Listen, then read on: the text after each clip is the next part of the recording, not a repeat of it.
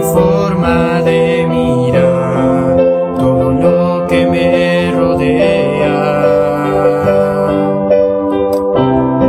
Primero tengo que tocar para poder imaginar lo que se observa. Muy pocas personas pueden ver así.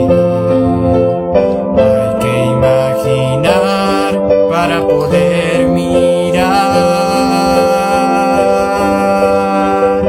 con otra visión que está ausente. Es diferente, pero llega a un mismo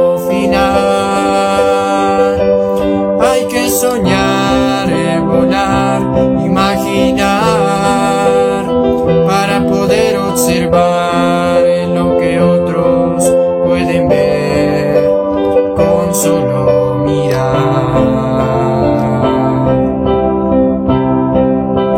Existe otra manera de percibir y sentir la realidad.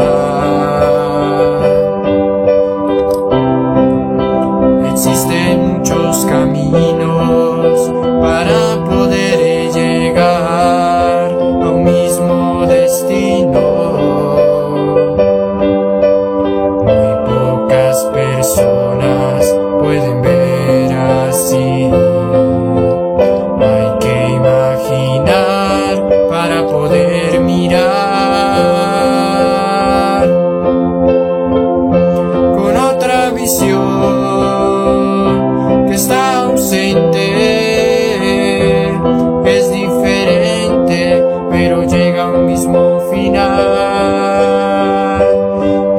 soñar, volar, imaginar para poder observar lo que otros pueden ver con solo mirar.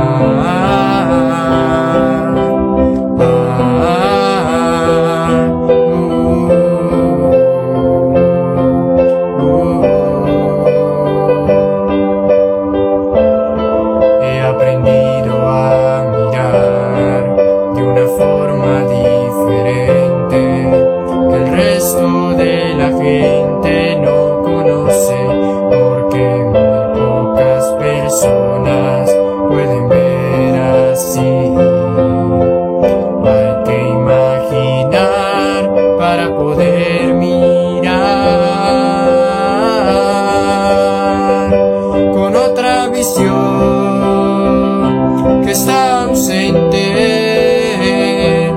Es diferente, pero llega a un mismo final. Hay que soñar, volar, imaginar para poder observar lo que otros pueden ver con solo